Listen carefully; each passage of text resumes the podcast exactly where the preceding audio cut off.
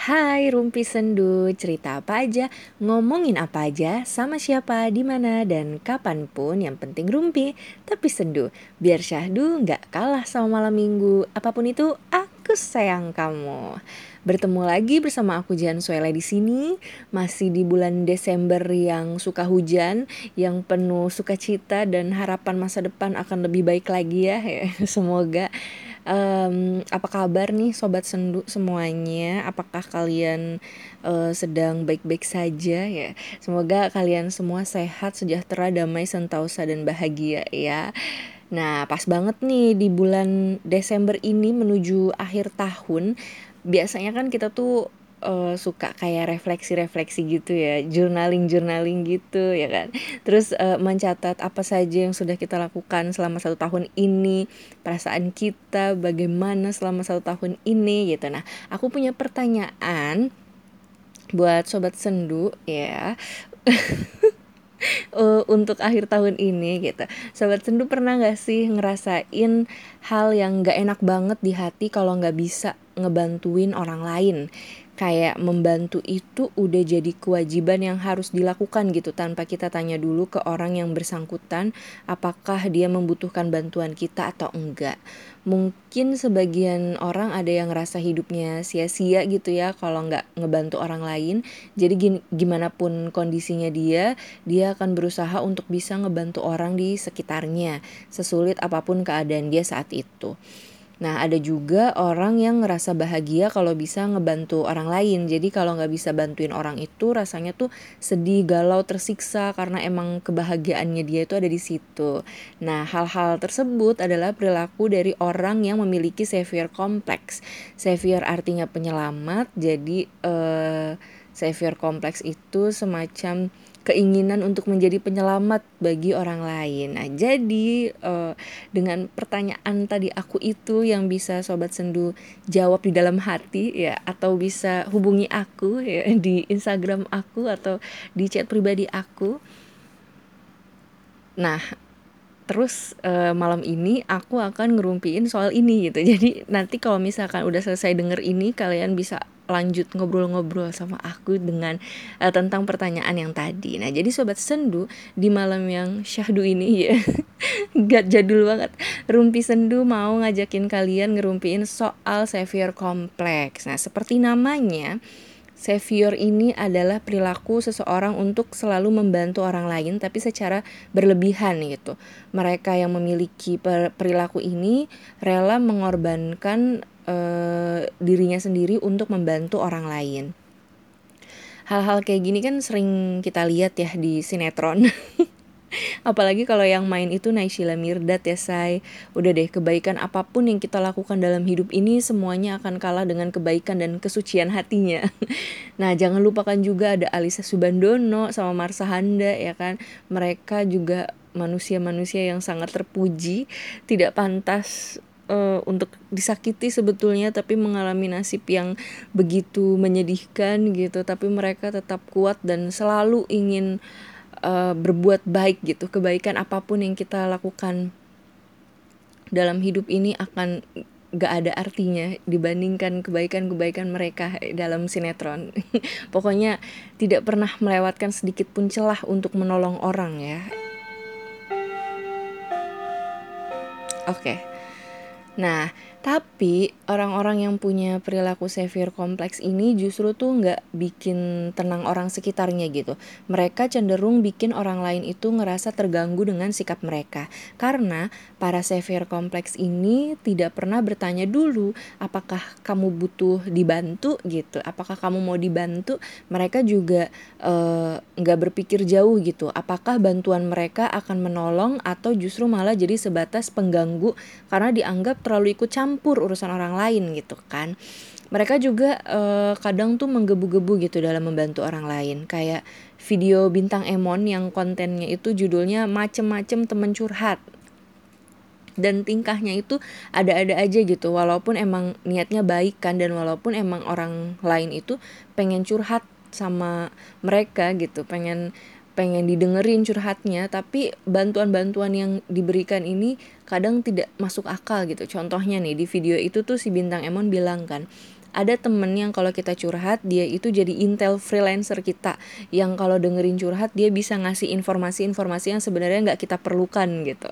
Saking pengen bantuin kita banget dia itu uh, sampai kepoin orang yang kita curhatin dengan second accountnya dia.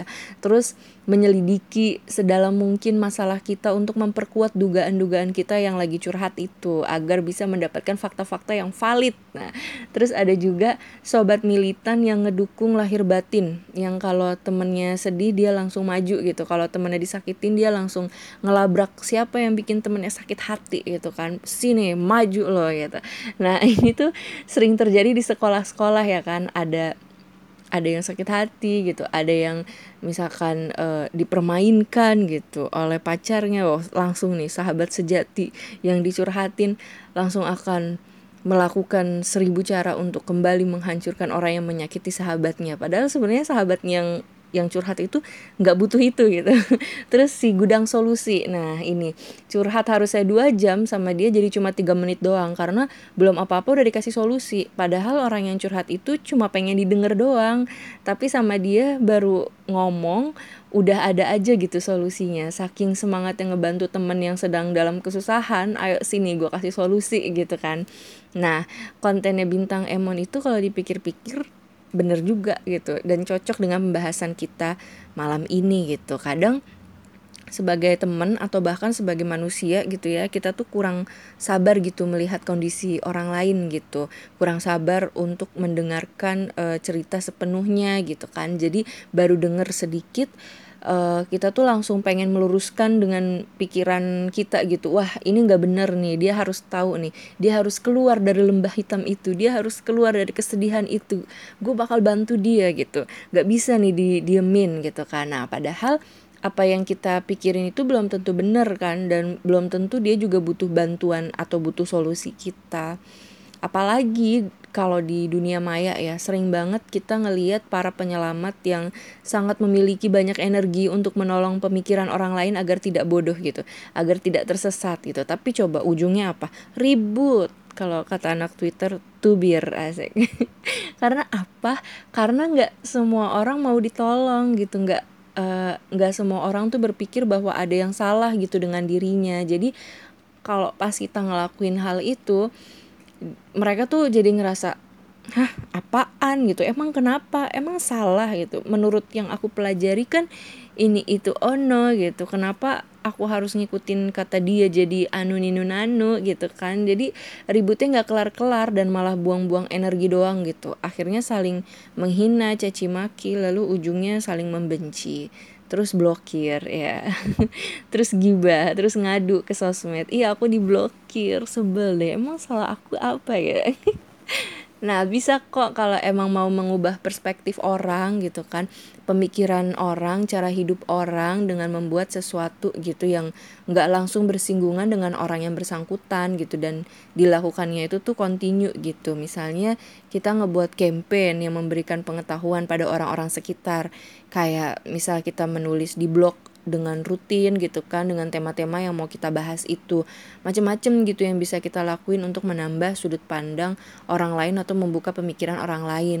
Bisa juga kan kayak misalnya kita uh, posting aja terus tentang wawasan-wawasan yang kita tahu kan otomatis dia bakal baca gitu. Dan itu tuh nggak nggak kita nasehatin langsung nggak kita tegur langsung. Biasanya kayak gitu orang bakal jadi lebih uh, kena gitu oh ya gini gini gini gitu kan. Daripada langsung ditegur gitu. Apalagi langsung ribut gitu kan. Kalau ribut biasanya otaknya justru nggak nggak jalan jadinya. Jadinya lebih fokus ke ribut-ributnya.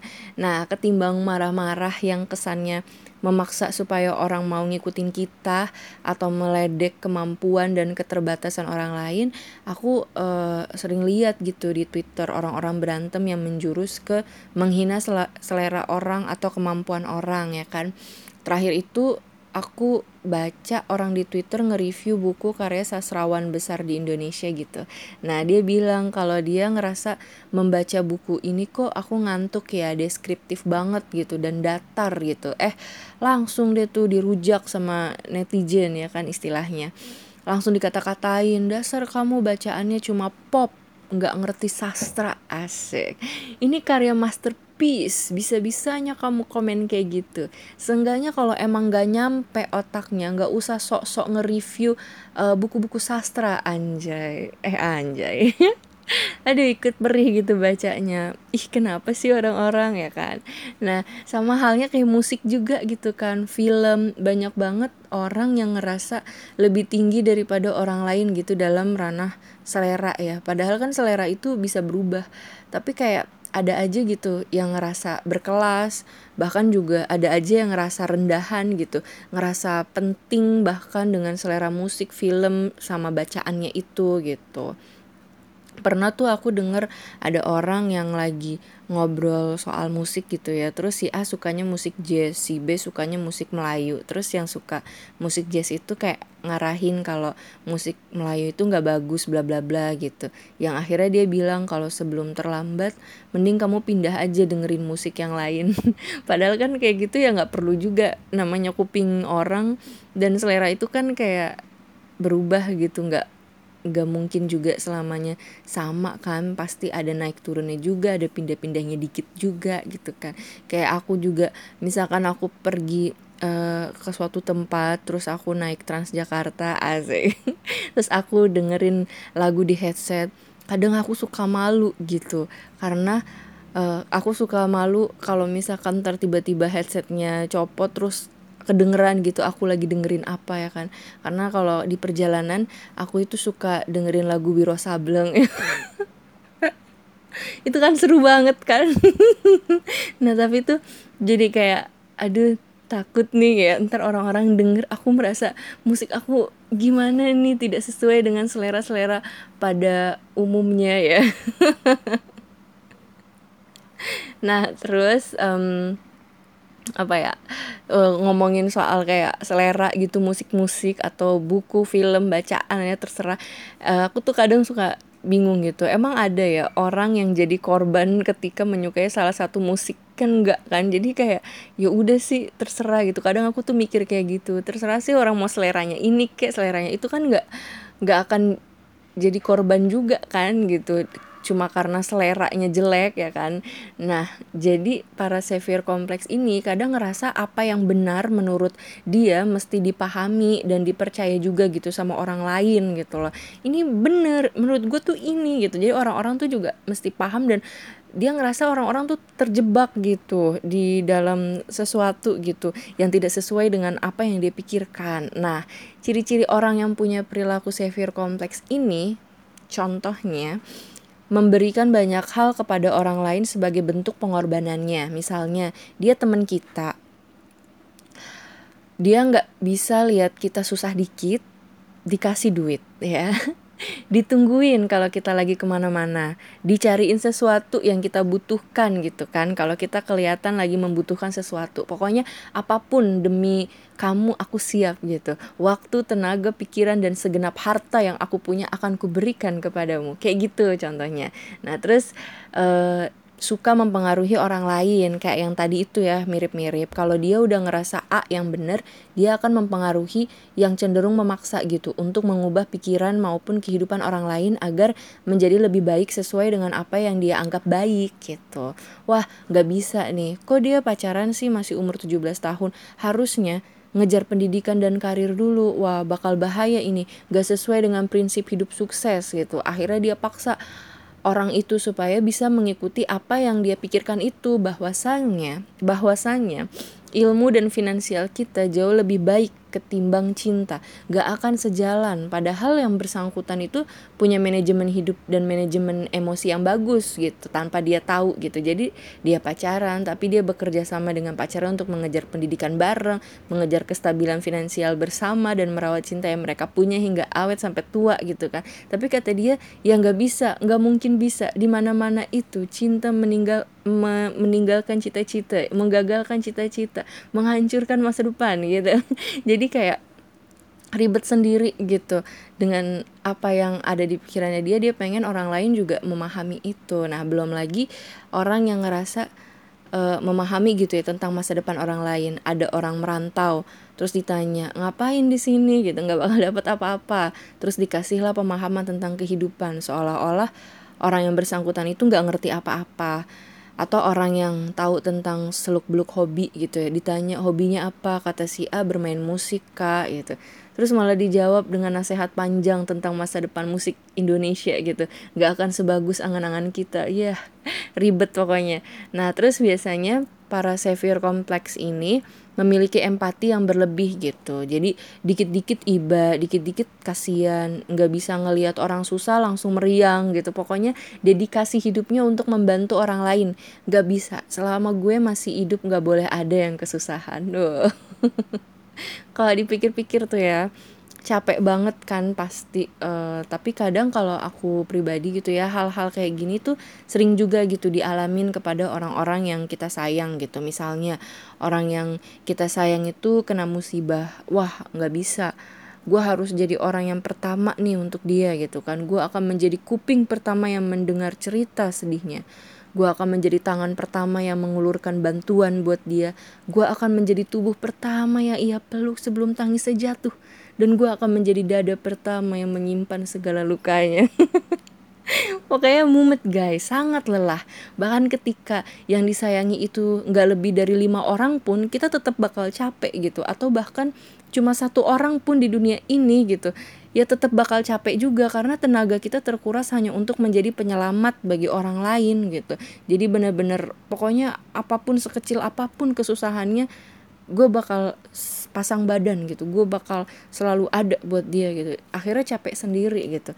Nanti kalau tahu orang yang kita sayang itu minta bantuannya ke orang lain tiba-tiba melo gitu ngedown gitu ngerasa nggak berguna gitu kayaknya ini bisa jadi kecenderungan penyakit orang-orang dengan love language of eh act of service gitu ya. Tapi aku juga pernah nemu video uh, kalau orang-orang kayak gini yang ngerasa nggak enak buat ngebantu nggak ngerasa ngerasa nggak enak buat eh ngerasa nggak enak kalau nggak bisa ngebantu orang lain itu uh, punya kecenderungan masa kecilnya itu ini apa namanya uh, selalu jadi pelampiasan orang tua gitu. Jadi uh, orang tuanya bermasalah dia yang bertanggung jawab gitu. Nah itu ke bawah sampai besar gitu. Jadi uh, apa ya namanya inner childnya dia yang terluka itu membuat dia besarnya itu mm, berpikir dan merasa bahwa dia harus selalu ada buat orang lain yang kesusahan gitu. Apalagi orang-orang terdekat. Nah sama juga dengan orang-orang yang punya love language-nya itu act of service gitu. Karena kami sangat menjunjung tinggi pelayanan, kenyamanan Anda prioritas kami. Apa pun yang Anda butuhkan akan kami sediakan gitu.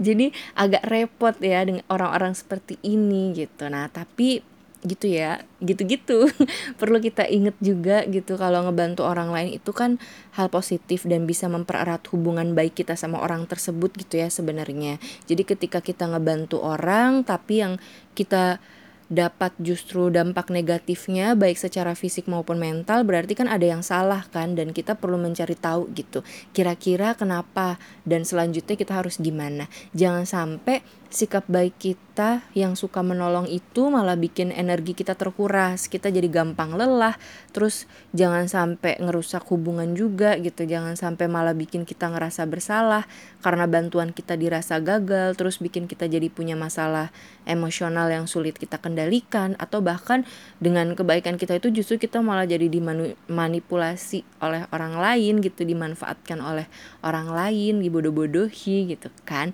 jangan sampai. Jadi tetap harus iklan. Jadi harus tetap uh, apa ya uh, bereaksi secukupnya gitu menolong juga uh, sebisanya gitu nggak usah dipaksa gitu tetap menolong dengan sadar. Ada yang butuh pertolongan ya ditolong. Ada yang cuma mau didengar ya didengerin aja. Uh, kalau ada yang butuh pertolongan tapi kita nggak bisa ya minta maaf. Kalau kita nggak bisa ngebantu gitu kan. Biasa-biasa aja gitu jadinya. Walaupun kalau udah kebiasaan ya pasti susah ya. Tapi semoga bisa diurai gitu. Pelan-pelan gitu. Selalu berlatih uh, sadar untuk uh, melakukan mana yang emang bisa kita lakukan mana yang enggak gitu. Tetap jaga perasaan orang lain juga jangan ngerasa paling tahu paling peduli. Padahal kesan yang dilihat orang lain tuh justru kita malah dirasa menyerang mereka gitu. Tetap menjadi pendengar yang baik gitu yang sabar gitu. Jangan pengen ngomong mulu karena orang yang suka buru-buru ngasih solusi itu kan orang yang udah tahu nih oh sesuai pengalaman gue sesuai wawasan gue nih jadinya bakal begini begitu. Nah udah deh langsung aja tuh kita kasih tahu gitu kan. Padahal orang itu pengennya cuma didengar bukan mendengar kan. Orang mau curhat malah dengerin panjang lebar omongan kita kan malah bikin dia kesel kan mesti sabar guys. Kalau emang gatel banget pengen kasih solusi tanpa diminta ya buat podcast aja. Kita bebas bicara panjang lebar kok tanpa mendengarkan siapa-siapa. Terus uh, tetap menghormati keputusan orang lain juga. Kalau menurut kita harusnya dia bersikap A tapi dia malah memilih untuk bersikap B ya udah itu keputusannya dia gitu. Mau gimana lagi? Kan kita menjalani hidup masing-masing. Resiko ditanggung sendiri. Gitu kan doain aja. Oke. okay. Uh, sampai sini dulu ngerumpinya. Makasih banget udah mau dengerin podcast aku. Sampai ketemu lagi di rumpi sendu selanjutnya. Jangan lupa nanti kalau misalkan ada yang mau diobrolin terkait pertanyaan tadi atau pembahasan eh obrolan kita malam ini bisa juga langsung hubungin aku di Instagram @jihansweleh atau yang udah punya nomor HP aku bisa langsung WA aku aja. Oke, Rumpi Sendu, cerita apa aja, ngomongin apa aja, sama siapa, di mana dan kapan pun yang penting Rumpi tapi sendu. Biar syahdu nggak kalah sama malam minggu. Apa pun itu, aku sayang kamu. Dadah. Mwah.